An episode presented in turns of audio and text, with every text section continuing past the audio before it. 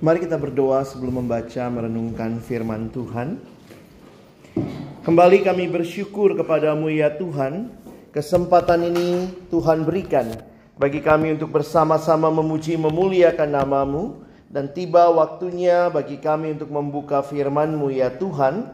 Kami mohon biarlah waktu kami membuka firman-Mu bukalah juga hati kami. Jadikanlah hati kami seperti tanah yang baik. Supaya ketika benih firman Tuhan ditaburkan, boleh sungguh-sungguh berakar, bertumbuh, dan juga berbuah nyata di dalam kehidupan kami. Berkatilah baik hambamu yang menyampaikan, setiap kami yang mendengarkan, Tuhan tolonglah kami semua, agar kami bukan hanya menjadi pendengar-pendengar firman yang setia, tapi mampukan kami dengan kuasa dari rohmu yang kudus, kami dimampukan menjadi pelaku-pelaku firman-Mu di dalam kehidupan kami. Bersabdalah ya Tuhan kami sedia mendengarnya di dalam satu nama yang kudus, nama yang berkuasa, nama Tuhan kami Yesus Kristus. Kami menyerahkan pemberitaan firman-Mu. Amin. Shalom. Selamat malam eh, teman-teman yang dikasihi dalam Tuhan Yesus Kristus. Tema kita malam ini menarik untuk kita pikirkan sama-sama. The difference the differences between divine calling of God and personal ambition. Jadi memang ini hal yang sering kali orang tanya. Bagi kami hamba Tuhan sering kali ada yang nanya, Pak jadi sebenarnya apa sih kehendak Tuhan bagi saya? Ada lagi yang bertanya, kalau saya pilih ini Pak bagaimana? Apa Tuhan mau ini buat saya? Sehingga memang menjawab pertanyaan ini, apa bedanya akan butuh waktu untuk bisa dijelaskan bersama. Malam ini saya hanya akan memberikan mungkin kepada kita prinsipnya. Karena kalau kita mau bahas kasus per kasus, itu hal yang sangat spesifik.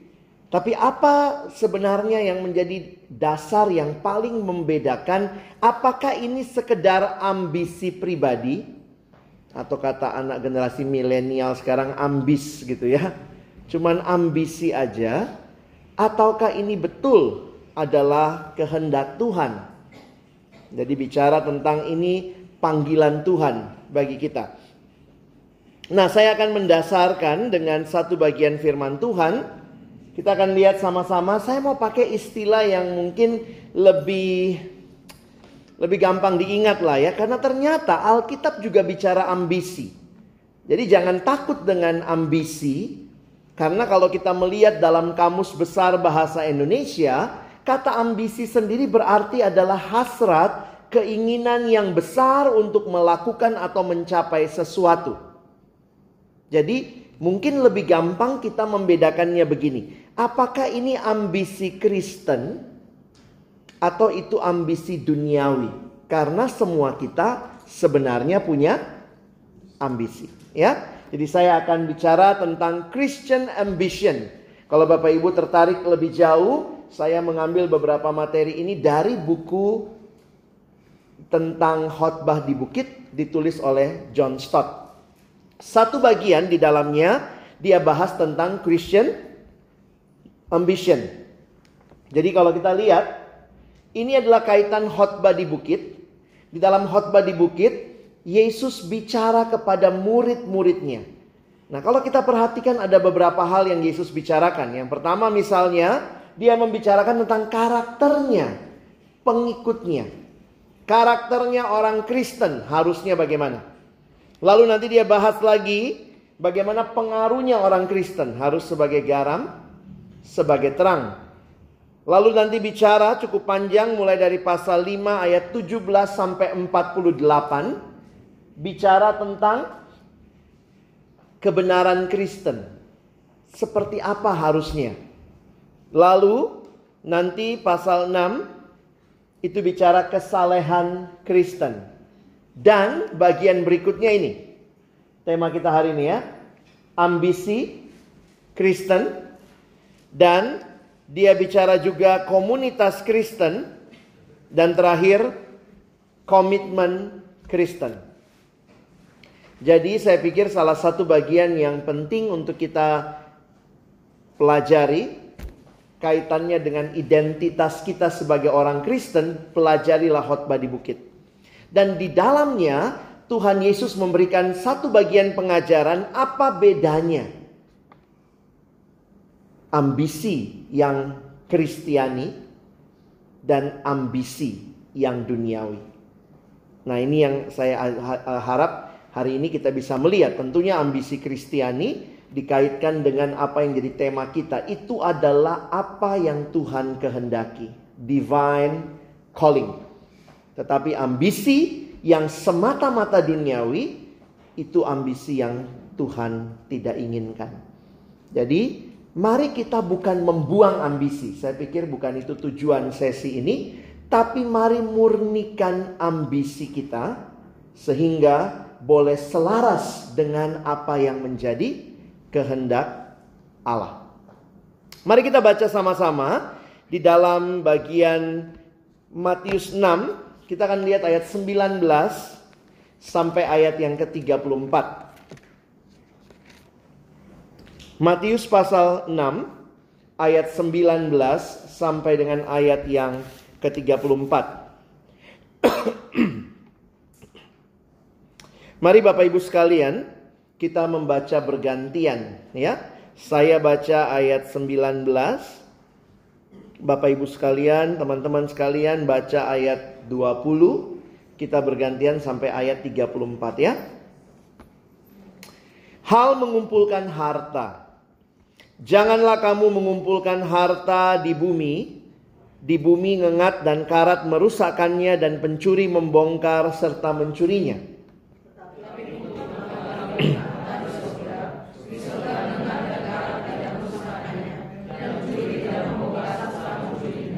Karena di mana hartamu berada, di situ juga hatimu berada.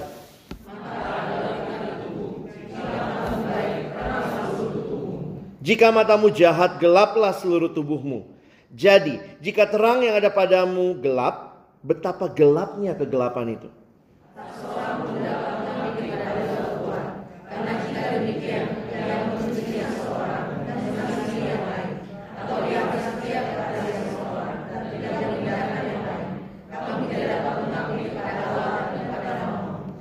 Karena itu, perhatikan ya, karena itu berarti karena yang atasnya.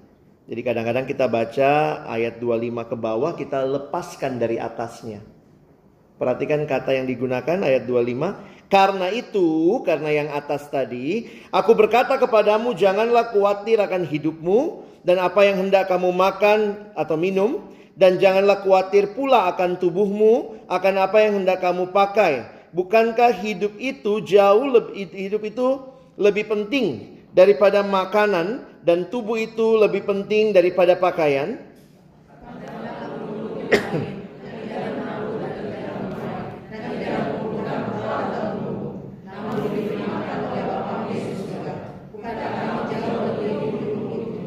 Siapakah di antara kamu yang karena kekhawatirannya dapat menambahkan sehasta saja pada jalan hidupnya?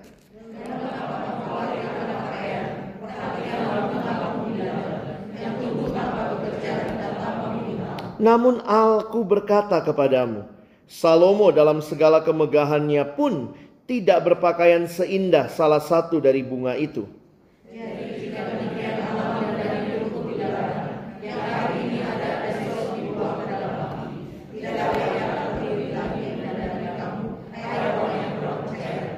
Sebab itu, janganlah kamu khawatir dan berkata, apakah yang akan kami makan? Apakah yang akan kami minum? Apakah yang akan kami pakai?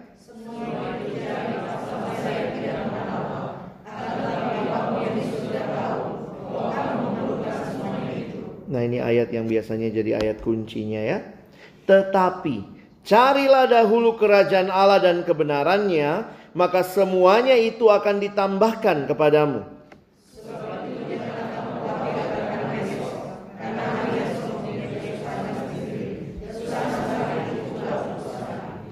Nah, saudara yang dikasihi Tuhan, menarik sekali memperhatikan bagian ini. Tuhan Yesus memberikan pengajaran kepada murid-muridnya, kepada orang-orang yang mengikut Dia. Itu berarti termasuk kita saat ini. Dia mulai dengan memberikan kalau saya pakai istilah yang digunakan dalam bukunya John Stott dia menggunakan istilah Christian counter culture. Di tengah-tengah dunia dengan segala macam budaya yang ada, Tuhan seolah-olah berkata, "Kamu orang Kristen, jangan seperti dunia." Harus beda. Harus punya counter culture atau bahasa lainnya budaya tandingan. Kalau semua orang ngejar ambisi pribadi, bedanya apa sama kita? Lalu Tuhan Yesus mulai mengajar dengan beberapa bagian. Pertama dia bicara dua macam harta. Kenapa sih ngomong harta? Saya pikir Yesus sedang mau menyatakan harta itu apa yang kamu simpan di bumi. Jadi ini bicara tentang dua hal. Yang kekal dan yang sementara. Harta di bumi bisa dirusakkan oleh ngengat dan karat. Harta yang kekal, simpanlah itu di surga. Dan perhatikan kalimatnya ya. Janganlah kamu mengumpulkan harta di bumi, di bumi ngengat dan karat merusakkannya dan pencuri membongkar serta mencurinya. Loh, apakah berarti kita nggak boleh punya harta? Boleh. Ini sedang bicara ketika hati kita hanya terpaut kepada apa yang ada di bumi. Karena itu Yesus berkata, ayat 21, di mana hartamu berada, di situ juga hatimu berada. Kalau yang kita pikirkan cuma sekedar yang sekarang ini, saudara, maka saya pikir kita akan seperti yang Yesus bilang gitu ya. Nah, berikutnya, dia bicara dua macam penglihatan. Kenapa ngomong ini lagi? Dia bilang ada masalah mata di situ. Saya pikir ini juga bukan mata dalam arti fisik, tetapi mata dalam arti mungkin kita melihatnya lebih luas sebagai visi, penglihatan. Jadi kalimatnya mata adalah pelita tubuh. Kalau matamu terang, teranglah seluruh tubuh. Kalau matamu gelap, gelaplah seluruhnya. Dan kemudian dia bicara tentang dua tuan. Kenapa Yesus ngomong ada dua? harta di surga, harta di bumi. Mata yang terang, mata yang gelap. Lalu dia bicara, tidak mungkin seorang melayani dua tuan. Yang satunya Allah, yang satunya Mamon. Tidak mungkin. Saya pikir Yesus mau kita belajar memilih. Bahwa di dalam hidup ada banyak sekali pilihan tapi sebenarnya kalau kita mau menyederhanakan semua pilihan, sebenarnya pilihannya cuma dua. Fokus kepada Allah, fokus kepada hal-hal yang kekal, fokus kepada terang, fokus kepada Dia Allah, berarti fokus kepada surga, yang satunya fokus kepada yang di bumi. Dan ini yang Yesus sedang sampaikan sehingga nanti ayat 25 sampai ayat yang ke-34 kalau eh, teman-teman lihat ini Yesus bicara juga tentang dua macam ambisi. Makanya saya ingatkan tadi, perhatikan kata hubungnya. Karena itu. Kalau kamu sudah bisa memilih bahwa memilih yang fokus adalah kerajaan Allah dan kebenarannya, maka tentunya ini bukan hal yang sulit lagi. Carilah dahulu kerajaan Allah dan kebenarannya, maka semuanya itu akan ditambahkan kepadamu.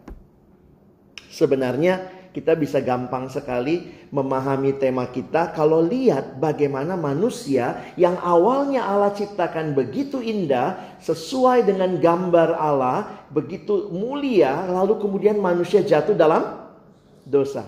Maka perhatikan, yang namanya ambisi Kristen adalah ambisi untuk berfokus kepada Allah dan kerajaannya dan semua ambisi duniawi adalah sekadar ambisi yang hanya untuk saat ini hanya untuk memuaskan keinginan semata-mata. Jadi kalau teman-teman mau tahu bedanya, ya ini bedanya. Dari mana saya bisa lihat apakah ambisi saya ini ambisi yang benar atau tidak? Lihat dulu. Apakah kita berambisi hanya demi hal-hal yang sementara? Loh, Apakah saya tidak butuh hal-hal yang sementara? Teman-teman butuh makan? Tadi makan-makan dulu di luar ya. Butuh minum? Butuh pakaian?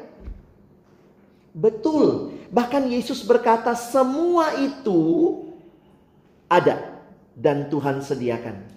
Tapi ingat, fokusnya bukan itu. Fokusnya adalah kerajaan Allah dan kebenarannya. Saya mau sedikit berhenti di bagian ini untuk kita bisa memahami ada satu penghayatan yang saya coba bagikan kepada kita adalah tentang kekhawatiran. Bagian ini kalau kita lihat LAI memberikan judul hal kekhawatiran.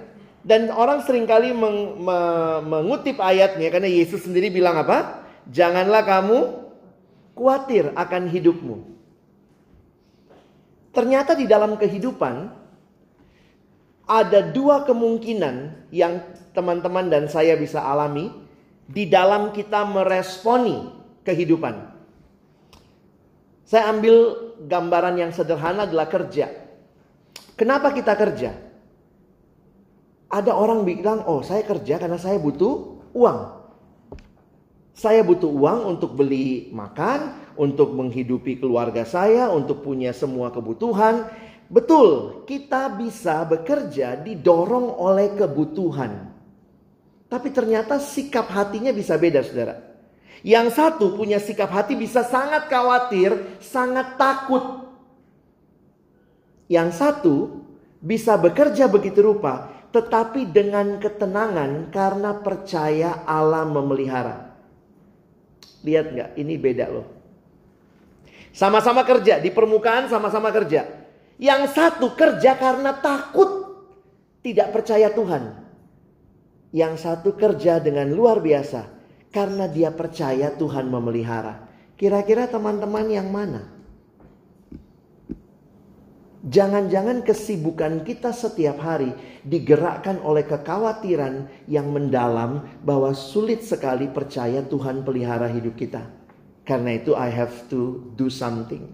Betul kita punya bagian. Tapi pertanyaannya apakah bagian kita lahir dari keyakinan Allah memelihara? Atau seperti yang Yesus katakan. Mari lihat sebentar ayatnya yang ke-27. Siapakah di antara kamu karena yang karena kekhawatirannya dapat menambahkan sehasta saja pada jalan hidupnya? Dan mengapa kamu khawatir akan pakaian? Perhatikanlah bunga bakung di ladang yang tumbuh tanpa bekerja dan tanpa memintal. Namun aku berkata kepadamu, Salomo dalam segala kemegahannya pun tidak berpakaian seindah salah satu dari bunga itu. Jadi ini jangan Tuhan bilang gini, kamu kerja tapi jangan seperti orang yang khawatir tidak makan. Kerjalah dengan keyakinan Allah pelihara. Itu beda loh kerja keras yang motivasi dasarnya ketakutan dengan kerja keras dengan motivasi dasarnya percaya pemeliharaan Allah itu beda. Tentu Tuhan bilang dia pelihara burung, tapi burung tetap harus cari makan.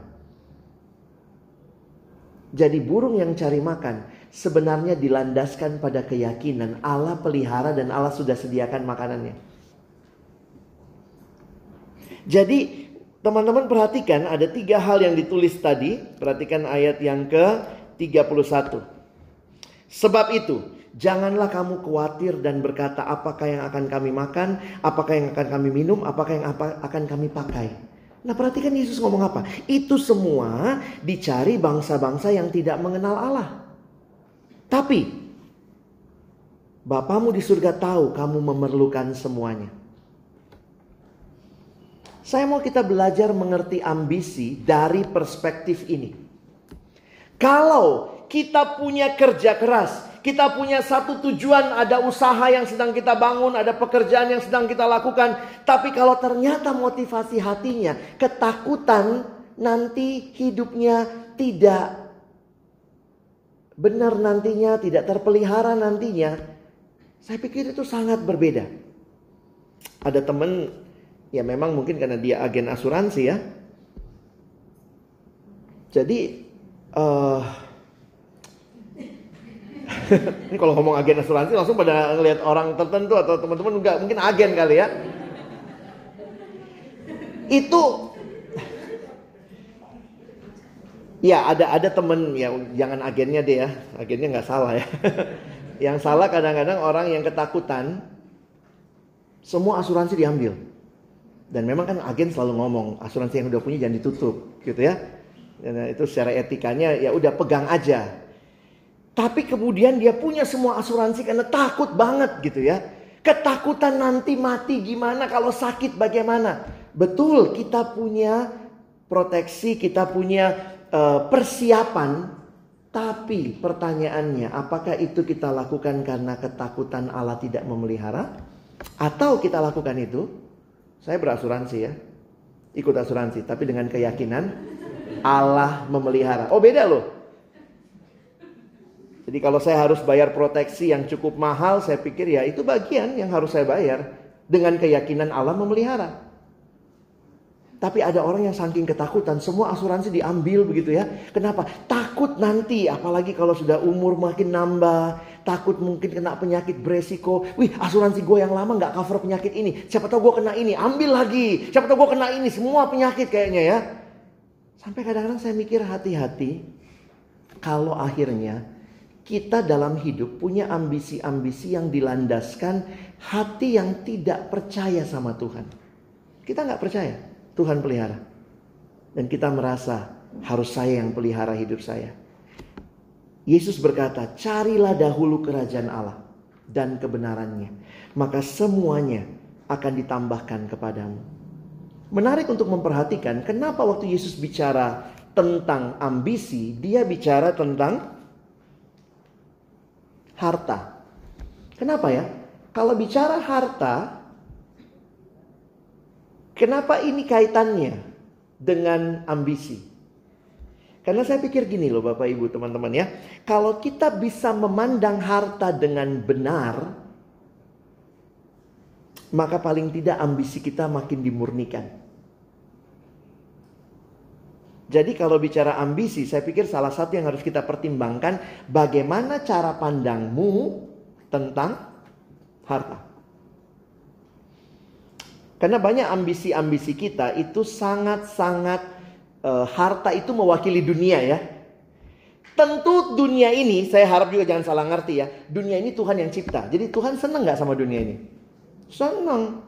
Tuhan ciptakan gunung begitu bagus, Tuhan ciptakan daratan begitu bagus. Tuhan senang nggak sih kita jalan-jalan? Senang dong.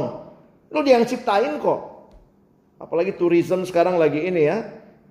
Kalau pokoknya orang sekarang pokoknya nanti ntar ikut tur ini, ntar ikut tur itu. Saya sih no problem ya. Kenapa? Karena memang Tuhan yang ciptain kok alam yang indah ini. Untuk kita nikmati juga. Tapi pertanyaannya begini. Kalau akhirnya itu menjadi tujuan akhir kita, if your life is only about jalan-jalan, traveling, you miss the point of life. Ada orang mendefinisikan sukses itu ini. Wis punya mobil bagus gitu ya. Ada yang bilang ya sukses itu apa? Ini tergantung masing-masing ya. Ada yang bilang oh sukses ini ini pergi ke semua tempat ini. Nah di Facebooknya penuh gitu ya. Udah ke sini, udah ke sini. Terus eh, nggak uh, sengaja tag orang, eh, eh sorry ke tag gitu ya. Padahal maksudnya ngasih tahu gitu, gue udah itu gitu ya. Nggak sengaja gitu. Jadi saya saya lagi mau coba begini loh. Teman-teman, apa sih ambisi Kristiani itu beda tipisnya di mana? Saya mau coba berikan kepada kita. Karena kan nggak salah jalan-jalan. Punya barang salah nggak? Kita mau punya proteksi, perlindungan buat asuransi, boleh nggak? Boleh. Terus bedanya apa? Kalau kita bilang ini udah ambis nih, lu udah ambisi bukan Kristiani dengan ambisi Kristen ya. Apalagi, saya coba jelasin lebih jauh ya. Apalagi kayak dunia sekarang menawarkan kayaknya kitalah segala-galanya. Ada satu tulisan di, sorry ya mungkin saya sebut merek nih, di Burger King nih. Yang jualan namanya Burger King. Kan kita bisa dengar tamu adalah raja. Kalau yang jualannya raja, tamunya apa? Can you imagine? Nah terus ada kalimat ini nih. You have it your way. You have the right to have what you want exactly when you want it. Because on the menu of life, you are today special. Kurang ajar banget kita dibilang burger ya. You are today special. And tomorrow, and the day after that. And well, you get the drift. Yes, that's right. We may be the king, yang jualan king kan. But you, my friend, are the almighty ruler. Ya ampun, saya kaget ini. Lu lagi jualan apa sih? Jadi saya melihat ya, Kadang-kadang ambisi-ambisi yang kita punya itu ditolong dengan dunia yang sedang mengkampanyekan you deserve it, you deserve it, have it your way. Ini beberapa slogan ya. You deserve it. If you can dream it, you can do it. Now there is no limit to your ability. Ini siapa yang ngomong? Prudential.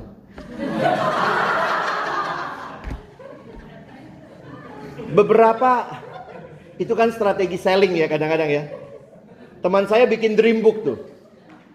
Jadi kan ada yang direct selling beberapa ini. Teman saya dulu bikin dream book. Yang lucu nih kami dulu kos ya. Bapak Ibu ini waktu masih masih kuliah. Kami kos pagi-pagi itu kenapa ya koran kami bolong-bolong. Kami langganan koran bareng. Tiap pagi tuh koran udah bolong aja. Kita bingung. Akhirnya kita cari tahu ternyata ada satu teman Waktu itu dia uh, ikut satu direct selling apalah gitu ya. Terus dia ternyata disuruh bikin dream book. Jadi tiap hari mesti gunting. Mobil terbagus, rumah. Jadi maksudnya kalau dia lagi malas jualan, lihat lagi dream book. Ayo jualan lagi gitu ya. Jadi ya memang uh, dunia sedang menawarkan, ayo nih. Apa yang kamu mau, you deserve it. Your world should know no boundaries. Wah ya, ini siapa nih? Mary Lynch yang bikin Amerika bangkrut itu ya. Dengan leasing rumahnya itu. Jadi saya harus katakan gak gampang untuk melihat ambisi kita ini murni apa tidak. Jadi saya juga nggak mau malam ini kalau teman-teman tanya, jadi Pak kalau saya begini-begini, saya ambisinya apa? Itu urusanmu sama Tuhan. Jangan tanya sama saya, saya bukan Tuhan ya. Dan Tuhan yang paling kenal hati kita beberapa cara pandang duniawi yang yang kadang-kadang kita masukkan tanpa sadar ini ya. Sorry bisa next, oh sini kok nggak jalan? Oh oke, okay. harus oh ke sini. Ada yang bilang ke sana ke sini. Jadi ini cara pandang duniawi yang kita harus hati-hati. Sekali lagi tidak salah punya barang. Tapi kalau kita sudah sampai ke dalam poin ini, bahwa sukses itu kalau punya banyak barang, banyak uang, tidak ada yang salah sama barangnya. Ada anak remaja, biasa ya anak remaja datang sama saya, Koko, bener ya kata Alkitab, akar segala kejahatan adalah uang. Saya bilang, hei Alkitabmu beda ya? Eh, saya bilang bukan uangnya, tidak ada yang salah sama uangnya. Apa kata Alkitab? Akar segala kejahatan adalah Cinta uang, bukan uangnya. Kalau lu kagak suka uangnya kasih gua. Masih banyak pelayanan perlu dibiayain. Jadi jangan salahkan uangnya. Teman-teman yang kerja cari uang ya itulah hidup. Kita butuh uang. Tapi waktu kita kemudian mulai cinta uang. Mulai mendefinisikan bahwa saya berhasil kalau punya dua rumah, tiga rumah, punya satu motor, punya sepuluh helikopter If that is your way of defining your success in life, maybe you need to be very careful. It's more your worldly ambition. Itu kelihatannya tipis ya, apalagi kalau kita pakai Tuhan di situ. Luar biasa loh, orang sharing di gereja. Tuhan berkati saya, saya kemarin dikasih lagi satu helikopter. Jadi bisa aja kita pakai Tuhan, kita ceritanya Tuhan. Tetapi kalau hidup didefinisikan dari materi, maka waktu kita tidak punya materi kita sangat takut. Jadi dari mana? Saya udah mulai ambis duniawi nggak? Lihat aja. Apakah kita makin merasa kita berharga karena punya hal-hal ini? Itu namanya materialis. Ada juga ya ini ya, belanja sepuasnya. Ya emang susah juga ya sekarang gampang banget belanja. Saya udah nggak pernah ke mall pak. Iya tapi aplikasi loh. Semua ada gitu ya. Sekarang dia hanya sejauh klik. Nggak sejauh doa lagi ya. Gampang. Dan sering kali kita punya apa ya? Ya kalau kita lihat sekarang kan begitu ya strategi marketing. Kita lagi mau buka YouTube yang kebuka yang lain dulu iklan yang nggak bisa kita gini-gini nggak bisa mesti kita nonton dulu gitu ya. Habis nonton kemudian eh tahu-tahu ih bagus juga tuh baju. Cari deh. Saya dibeliin orang baju. Nah semalam istri saya bilang ih baju yang dibeli ini tuh ada loh di iklan. Oh, cari-cari kita lihat lagi gitu ya Oh iya ya, ini ternyata yang paling baju terbaru ya. Dari Uniqlo, oh begini modelnya, ini modelnya summer lah, modelnya apa winter. Jadi kadang-kadang begitu rupa. Dan kalau tidak punya, rasanya agak kurang. Hati-hati tuh kalau sudah mulai belanja is everything. Dan apalagi kan kalau pengen tuh pengen banget ya. Yang suka nonton drama Korea lihat, ih bagus banget bajunya, pokoknya cari, cari. Udah semua cari, Pengen banget, pengen banget semua toko online dicari. Begitu dapat, paling ya puasnya tuh satu dua hari ya. Habis itu udah biasa ya. Hari pertama kedua udah sayang-sayang tuh baju. Hari berikutnya biasa. Jadi memang kalau belanja itu memuaskan, nggak nggak mungkin memuaskan. Nah ini juga sekarang ya gaya hidup. Memang ada yang bilang ya di Jakarta ini gaji pas-pasan tapi gaya hidup gaya hidupnya luar biasa. Beberapa orang habis duitnya untuk biaya pergaulan. Seminggu harus karaoke sekali, pulang jalan-jalan sama teman, makan di tempat yang aduh mahal banget gitu ya.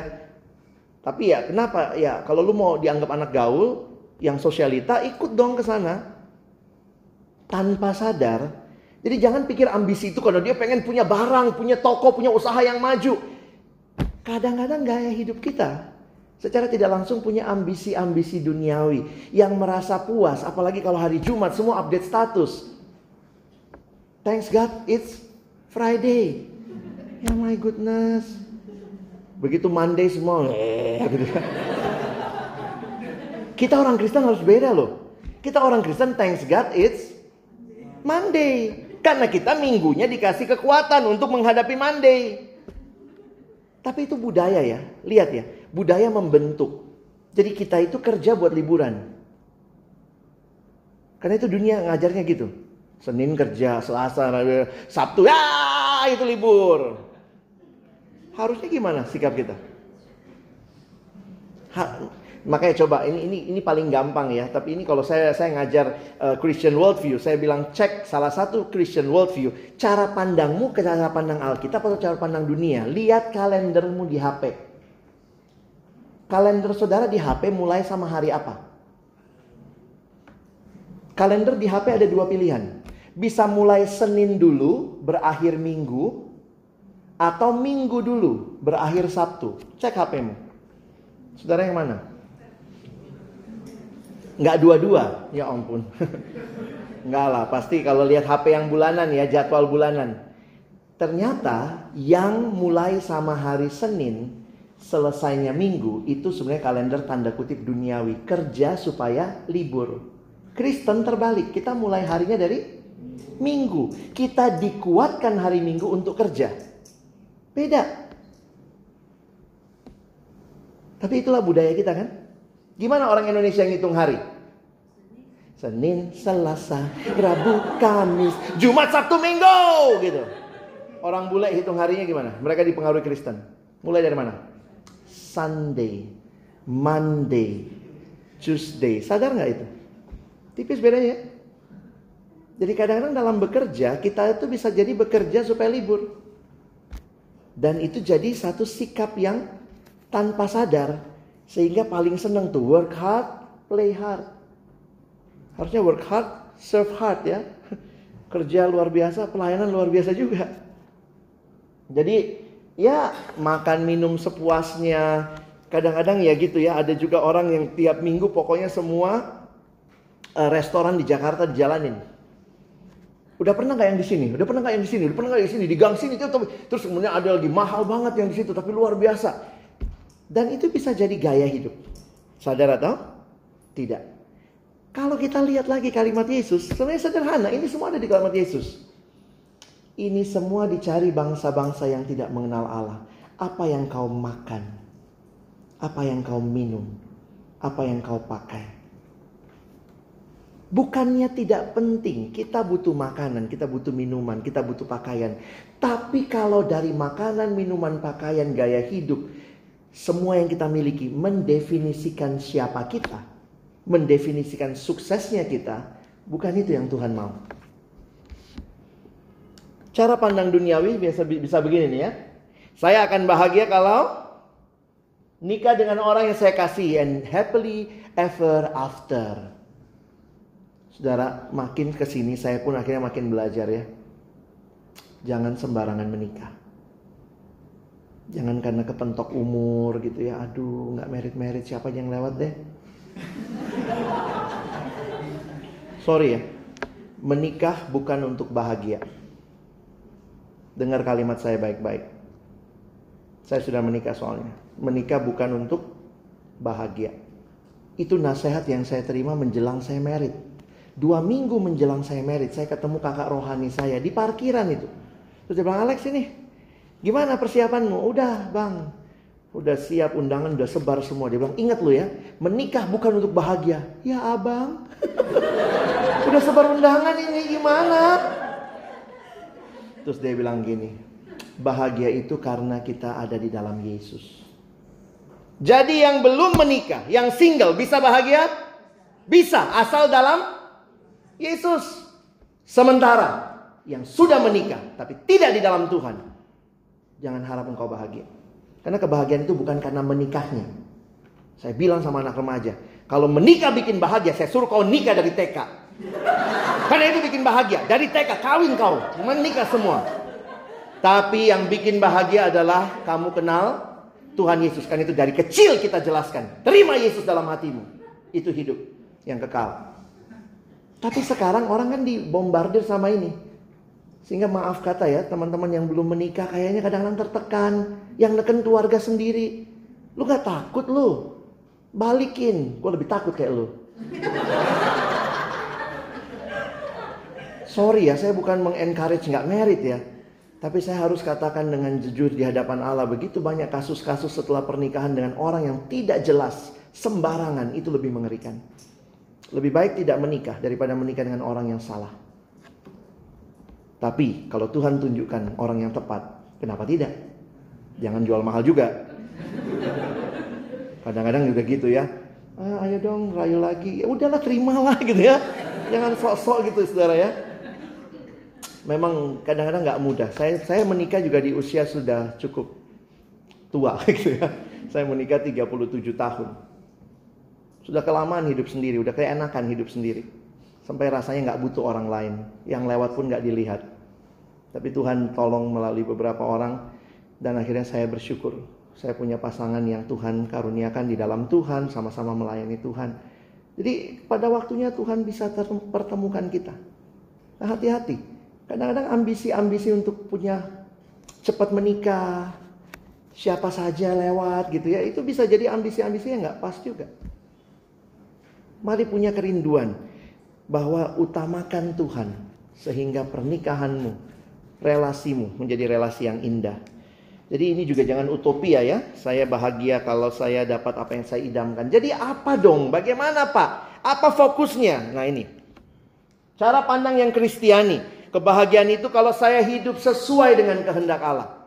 Jadi mau tahu dari mana? Apakah ambisimu kudus atau tidak? Kalau demi usahamu jalan, kau tipu sana tipu sini. Jangan bilang, wah Tuhan berkati usaha saya. Tuhan buka semua yang ketipu makin banyak gitu ya. Udah jelas lah itu bukan dari Tuhan. Ingat teman-teman, ada kalimat bijaksana bilang begini. Tidak semua pintu yang terbuka pasti dari Tuhan. Dan tidak semua pintu yang masih tertutup bukan jalan Tuhan. Mungkin Tuhan mau kita lebih sabar. Kenapa ya ini kok nggak nggak jadi-jadi urus ini kok nggak kelar-kelar? Mungkin Tuhan izinkan jalan-jalan yang sulit. Tapi ambisi Kristen adalah ambisi saya mau taat kehendak Tuhan, bukan cuma mau capai apa. Kadang-kadang kita maunya cuannya aja, yang penting dapat duitnya. Tapi caranya itu bisa menguji ambisi kita.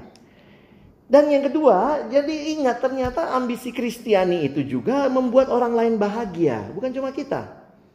Banyak orang sangat luar biasa pekerjaannya, tapi dia korbankan keluarganya. anak ditelantarkan. Ya, tapi saya sudah kasih semua buat anak saya. Apa yang kau kasih? Uang, handphone. Handphone tidak bisa membelai kepala rambut anakmu. Handphone tidak bisa memeluk dia. Kita bisa belikan handphone yang paling bagus, tapi mungkin anak kita membutuhkan kehadiran kita lebih daripada handphone yang bagus. Jadi kalau ambisi-ambisi kita, kita bilang, oh Tuhan berkati usaha saya tambah nambah. Tapi relasi sama istri makin gak baik, relasi sama kakak adik makin gak baik, relasi sama keluarga besar makin gak baik. Saya gak yakin itu ambisi Kristen. Jangan-jangan itu ambisi dunia. Jadi kadang-kadang mimbar dipakai untuk menjelaskan keberhasilan. Oh Tuhan buka jalan, usaha saya makin maju, buka toko lagi satu di sana. Tapi berapa banyak relasi yang dikorbankan? Ada orang bisa mengatur dengan baik, ada orang nggak bisa ngatur. Makanya kita mesti coba discern, ya, mem mem membedakan. Jadi secara alkitabiah prinsip Kristiani kebahagiaan itu bukan tujuan, tapi akibat. Ya. Kalau saya ketemu Tuhan dan dialah sumber kebahagiaan, maka akibatnya saya bahagia. Itu akibat bukan tujuan. Sementara perhatikan semua ambisi dunia menjadikan yang sementara itu tujuan. Tujuannya dapat duit. Tujuannya merit. Pokoknya merit. Harusnya pokoknya dalam Tuhan. Sehingga dalam Tuhan usahamu jadi berkat. Dalam Tuhan keluargamu bahagia. Karena Tuhan utamanya. Ini yang dikatakan carilah dahulu kerajaan Allah. Cara-cara yang benar. Mungkin harus me, apa ya lewati proses yang panjang tapi tidak kompromi. Tuhan utama dan waktu itu terjadi engkau bahagia ke sananya. Hidup diberkati karena ketaatan, belajar memberi karena lebih berbahagia memberi daripada menerima saja. Sedih menceritakannya tapi ini realita. Seorang adik yang pernah saya layani dan kemudian belum lama dia cerita dan dia bilang kak tolong doain saya. Saya ketakutan. Saya bilang kenapa kamu ketakutan? Saya selama ini kalau tugas luar kota kak saya main pelacur. Oke. Okay?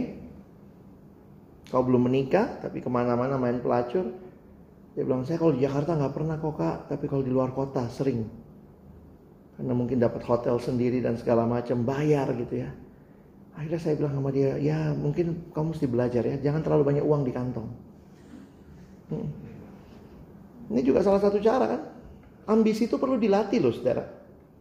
Jangan cuma berpikir pokoknya oh Tuhan Tuhan kasih uang banyak. Uang bisa jadi berkat bisa jadi kutuk. Jadi jangan jadikan uang sasarannya. Sasarannya adalah fokus kepada Tuhan saya bilang, kalau semua uang yang dari tahun berapa kau main pelacur? 2016. Satu tahun berapa kali keluar kota? Ya bisa dua bulan sekali. Saya bilang, kalau dihitung semua itu uang. Luar biasa kalau kau sumbang bagi pelayanan. Kau udah pakai. Kenapa? Karena banyak orang terus mulailah dia bilang, iya kak mungkin saya udah mulai jauh dari gereja, saya nggak pelayanan, saya pokoknya hidup sendiri. Saya bilang, nah ini baru sadar sekarang. Kalau diminta uangnya kayaknya susah banget gitu ya. Kenapa dia pakai semua untuk keinginan diri dan hati-hati? Hanya Tuhan yang dapat memuaskan kita. Ingat baik-baik. Jadi bagaimana saya bisa membedakan nih ambisi? Kalau ambisi saya adalah saya betul-betul mau hidup bagi Tuhan. Melalui pekerjaan saya, bagaimana pekerjaan saya bisa memuliakan Tuhan. Melalui keluarga saya memuliakan Tuhan. Melalui persahabatan saya memuliakan Tuhan. Saya jalan-jalan memuliakan Tuhan. Saya nggak masalah orang jalan-jalan. Kalau dengan jalan-jalan itu melaluinya Tuhan menyegarkan kamu untuk kerja lebih baik, why not? Tuhan itu pencipta, creator. Jalan-jalan itu biasa disebut rekreasi. Tuhan menciptakan kita ulang, recreation. We need recreation. Tuhan aja berhenti di hari ketujuh. Jadi jangan kayak kuda juga ya, ambisnya luar biasa gitu ya. Saya pikir ini beberapa kesimpulan akhir ya. Harta di bumi tidak dapat memberi rasa aman sejati. Karena itu milikilah harta itu kata satu hamba Tuhan. Belajar mem- me- menerima harta dari Tuhan dengan tangan terbuka. Bagus juga nih. Jangan terima harta itu dengan tangan tergenggam. Tanpa sadar kita kadang-kadang suka ngegenggam. Kenapa kita bilang ini punya saya Tuhan? Kalau Tuhan bilang oke okay, Alex sudah selesai masa pakainya ya, kan dipinjemin, bukan punyamu. Kadang-kadang kalau Tuhan bilang, Alex sudah selesai masa pakainya. Tidak Tuhan ini punya saya. Tidak. Tarik-tarikan sama Tuhan. Belajar terima dengan tangan terbuka. Kalau Tuhan bilang maaf, sudah selesai waktunya ya, balikin. Jangan sombong, kita cuma pengelola, bukan pemilik. Kalau kita belajar konsep Alkitab tentang creation, we are not the owner, we are just a steward. Di mana hartamu berada? Di situ hatimu berada. Pertanyaannya, apakah harta terbesar kita adalah Tuhan? Satu lagu himnal yang lama mengatakan, Thou my everlasting portion. Engkaulah Tuhan harta abadiku. Di mana engkau ada, biarlah di situ hatiku ada. Cara pandang, sistem nilai mempengaruhi seluruh bagian hidup yang lain. Jadi memang begitu ya, hati-hati kalau dalam uang kita udah kompromi nanti bagian lain juga pasti begitu. Dan ingat tidak mungkin mengabdi kepada dua Tuhan. Jadi, kesimpulannya seperti apakah cara pandang yang benar? Jangan khawatir, percaya sama Tuhan. Kerja keras tapi didasarkan kepercayaan, bukan ketakutan. Tujuan yang terutama cari kerajaan Allah dan kebenarannya. Makanya ada yang nanya sama saya, Pak, kalau saya kerja ini saya nggak bisa ke gereja hari Minggu, tapi cuannya banyak. Kalau tetap ini, jadi menurut Bapak bagaimana? Saya bilang ya, Bapak panggilannya apa? Kalau panggilannya untuk hidup bagi Tuhan, hidup dalam Tuhan, mungkin cari pekerjaan yang bisa beribadah hari Minggu. Tapi kalau sulit Pak, ya kalau sulit cari cara lain atau cari pekerjaan lain. Tapi nanti saya susah dapat pekerjaan, Bapak yakin nggak siapa yang pelihara hidup? Ada lagi yang datang, Pak gimana nih? Kalau saya jujur ini bos saya pecat saya. Susah loh cari kerja sekarang Pak. Apalagi umur udah segini Pak. Saya bilang ya daripada dipecat sama bos di atas, bos atas bilang habis hidup lo balik. Kadang-kadang kita takut ya, kita nggak yakin Tuhan pelihara. Banyak orang ternyata hidup dalam Tuhan tapi nggak yakin siapa Tuhan. Jangan menempatkan kebutuhan materi sebagai tujuan utama hidup. Bukan, itu hal-hal yang tambahan. Tujuan utama adalah Tuhan. Karena itu ambisi Kristiani bukan supaya hidup kita terjamin. Bukan ambisi Kristiani, melainkan supaya kedaulatan Allah dan kehendaknya berlaku di semua sektor kehidupan. Saya ditawarin asuransi, ditawarin lagi, terus mulai, aduh gimana ya, yuk, takut, ketakutan juga kan, agent tuh luar biasa meyakinkan kan. Kalau nggak ada Lex, nanti gini, iya ya. Tapi kemudian saya sadar juga ya, uang uang juga terbatas, kalau punya semua juga nggak mungkin. Ya udah, meyakini saya punya, tapi Tuhan pelihara. Jaminan hidup bukan segala-galanya. Yang menjamin hidup bukan asuransi kok. Tuhan. Melalui asuransi. itu itu kan ini ya. Cara pandangnya. Seorang teman bilang filosofi teri Bapak Ibu ya. Jadi kadang-kadang kalau teri itu sampai ke meja kita, jangan pikir karena kita punya duit bisa beli teri. Siapa yang pelihara hidup? Tuhan. Jadi bayangkan tuh, untuk teri sampai ke meja kita, ikan teri yang kecil-kecil itu, berarti kan Tuhan pelihara papa mama teri di sana. Tuhan pelihara papa mama teri. Lalu kemudian ditangkap sama nelayan kan? Berarti Tuhan pelihara nelayan itu dan papa mamanya. Ditangkap juga pakai jala. Tuhan pelihara pembuat jala dan papa mamanya. Tuhan pelihara juga ditangkap pakai perahu. Tuhan pelihara pembuat perahu dan papa mamanya. Bayangkan tuh pemeliharaan Tuhan betapa rangkaiannya ya.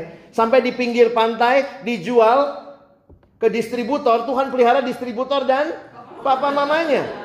Dibawa ke kota pakai mobil. Mobil itu Tuhan pelihara pencipta mobil dan papa mamanya. Supirnya dan papa mamanya. Pembuat bannya dan papa mamanya. Mulai kita ban kiri, ban kiri belakang dipelihara pembuatnya dan papa mamanya.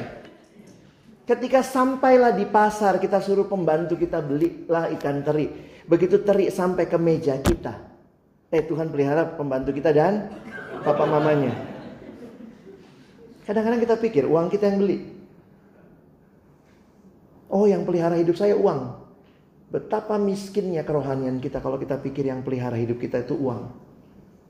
Yang pelihara hidup kita itu Tuhan melalui uang.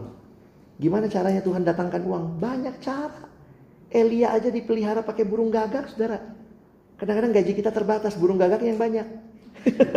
Ada aja burung gagak datang lagi, drop lagi.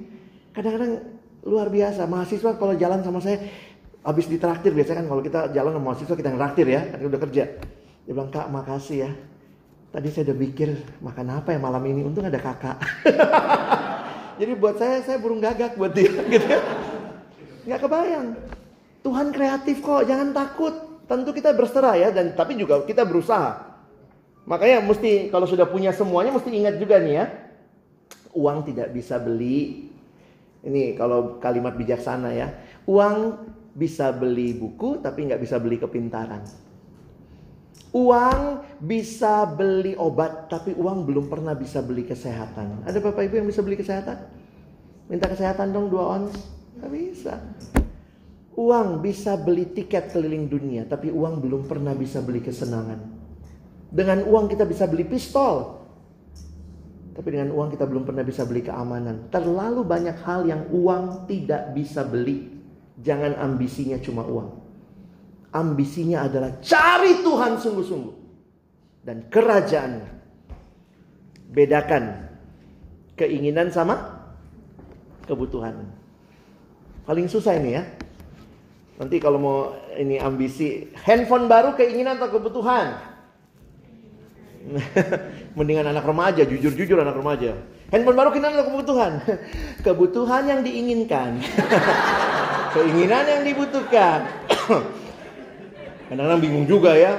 Lu belum kerja, HP lu udah kayak gue yang kerja. 3 tahun, 10 tahun. Dia bilang, lu aja nggak ganti HP. Jadi kadang-kadang saya pikir iya ya. Tapi banyak orang nggak bisa, belum bisa bedain ini.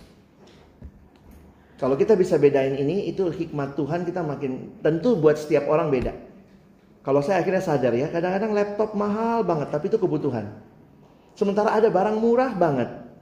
Tapi kalau bukan kebutuhan, saya nggak beli. Itu belajar membedakan. Jangan gila sama diskon ya. Beli dua, dapat satu. Jadi tiga kan?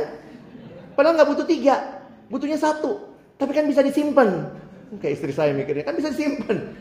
Ini cewek-cewek kan bisa disimpan nanti kan nggak semurah itu. Tapi jangan-jangan itu cara membuat kita tidak bisa membedakan keinginan sama kebutuhan. Dan gampang banget, saya anak komunikasi, saya belajar iklan, saya tahu bagaimana menciptakan kebutuhan. Coba masuk supermarket Bapak Ibu. Bahan kebutuhan pokok di mana ditaruhnya? Depan apa belakang? Ayo, yang beras-beras di belakang, telur di belakang tapi untuk menjangkau telur melewati 50 coklat. Jadi itu pun cara ngaturnya supermarket itu ada ada teorinya. Dipelajari. Jadi bayangkan tuh kalau nggak bisa bedakan kebutuhan sama keinginan, udah ngambil coklat, aduh coklat coklat sampai belakang, ih mau beli beras, ayo ambil beras balikin. itu luar biasa tuh. Nah karena itu Mari ini tips-tips terakhir lah ya. Beli barang yang tujuannya untuk digunakan, bukan untuk prestis. Jadi jangan ambisi punya mobil mewah buat apa? Supaya ada yang gitu. Dulu kita diremehkan, keluarga kita paling diremehkan. Nah sekarang biar mereka lihat. Terus habis mereka lihat, mereka juga bilang, ih baru bisa beli gitu. Itu kadang-kadang tanpa kita sadar loh, kita dibentuk dari keluarga mungkin yang broken atau apa, kita punya ambisi-ambisi mau menaikkan derajat keluarga kita. Sampai utang pun nggak apa-apa, yang penting derajat keluarga naik. Bohong, bodoh amat. Tolak segala hal yang mendatangkan kecanduan dan kenikmatan. Gue nggak bisa tuh kalau kopinya nggak Starbucks. Ya elah. Kopi tubruk-tubruk. Bangunlah kebiasaan memberi barang kepada orang lain. Ini kadang-kadang sulit ya. Kita itu pengumpul sampah. Coba cek lagi di lemari baju Bapak Ibu Saudara sekalian. Ada nggak baju yang sudah nggak pernah dipakai 2 tahun? Harusnya dikeluarin tuh. Buat apa? Tapi kita orang yang senang lihat banyak barang. Rasanya kaya. Padahal orang yang kaya adalah orang yang bisa memberi. Yang kaya bukan yang nyetok barang. Saya sama istri sudah punya kebiasaan. Kalau ada satu baju nambah, harus ada satu baju keluar. Supaya lemari bajunya nggak nambah. Kalau nggak lemari baju, ya berapa banyak mesti beli lemari baju? Kalau nambah terus. Maka saya takut kalau dikasih baju. biasanya kan ada yang pelayanan kasih baju pak makasih ya hmm, buang satu mesti disiplin kalau enggak susah belajar untuk tidak mempercayai apa yang diiklankan karena belum tentu itu kebutuhan ya belajar menikmati barang tanpa harus memiliki ya dong nggak usah punya rumah punya kolam renang kalau ada yang punya rumah punya kolam renang kita numpang. Kan nggak mesti punya semua. Di gereja ada kolam ya udah mandi-mandi aja sini gitu ya. Kadang-kadang kita kita merasa kita nah, naik harga kalau punya apa yang orang lain punya nggak mesti gitu-gitu juga. Jadi malam ini saya nggak makin membuat saudara jelas ya ambisi itu ya. Saudara harus mikir sendiri. Sebenarnya ambisiku ini dari Tuhan atau sekedar cuma memenuhi apa yang saya pingin. Tapi kiranya patokan-patokan ini menolong kita. Kita sedang terikat kepada Tuhan, kekekalan, nilai yang kekal, atau kita sedang terikat sebenarnya kepada hal-hal yang sementara. Dan waktu kita kejar itu, kiranya Tuhan menolong kita benar-benar bisa membedakan. Kiranya Tuhan menolong Bapak Ibu Saudara boleh hidup dalam kehendaknya. Amin. Mari kita berdoa. Bapak Surgawi terima kasih buat firmanmu malam ini. Prinsip-prinsip yang jelas diberikan melalui firmanmu mengingatkan kami betapa kami harus mencari Tuhan dan kerajaanmu, kehendakmu di atas semua yang kami inginkan. Karena hanya dengan kami menempatkan engkau sebagai yang terutama, maka hal-hal yang lain bisa kami tempatkan pada tempat dan posisi yang tepat. Tetapi kalau kami sibuk menempatkan hal-hal sementara itu sebagai yang utama dan tanpa sadar membuang Tuhan, maka sebenarnya kami tidak mendapatkan apa-apa. Terima kasih Tuhan, Engkau mengingatkan kami kembali malam ini. Hamba sungguh berdoa bagi saudara-saudaraku di tempat ini.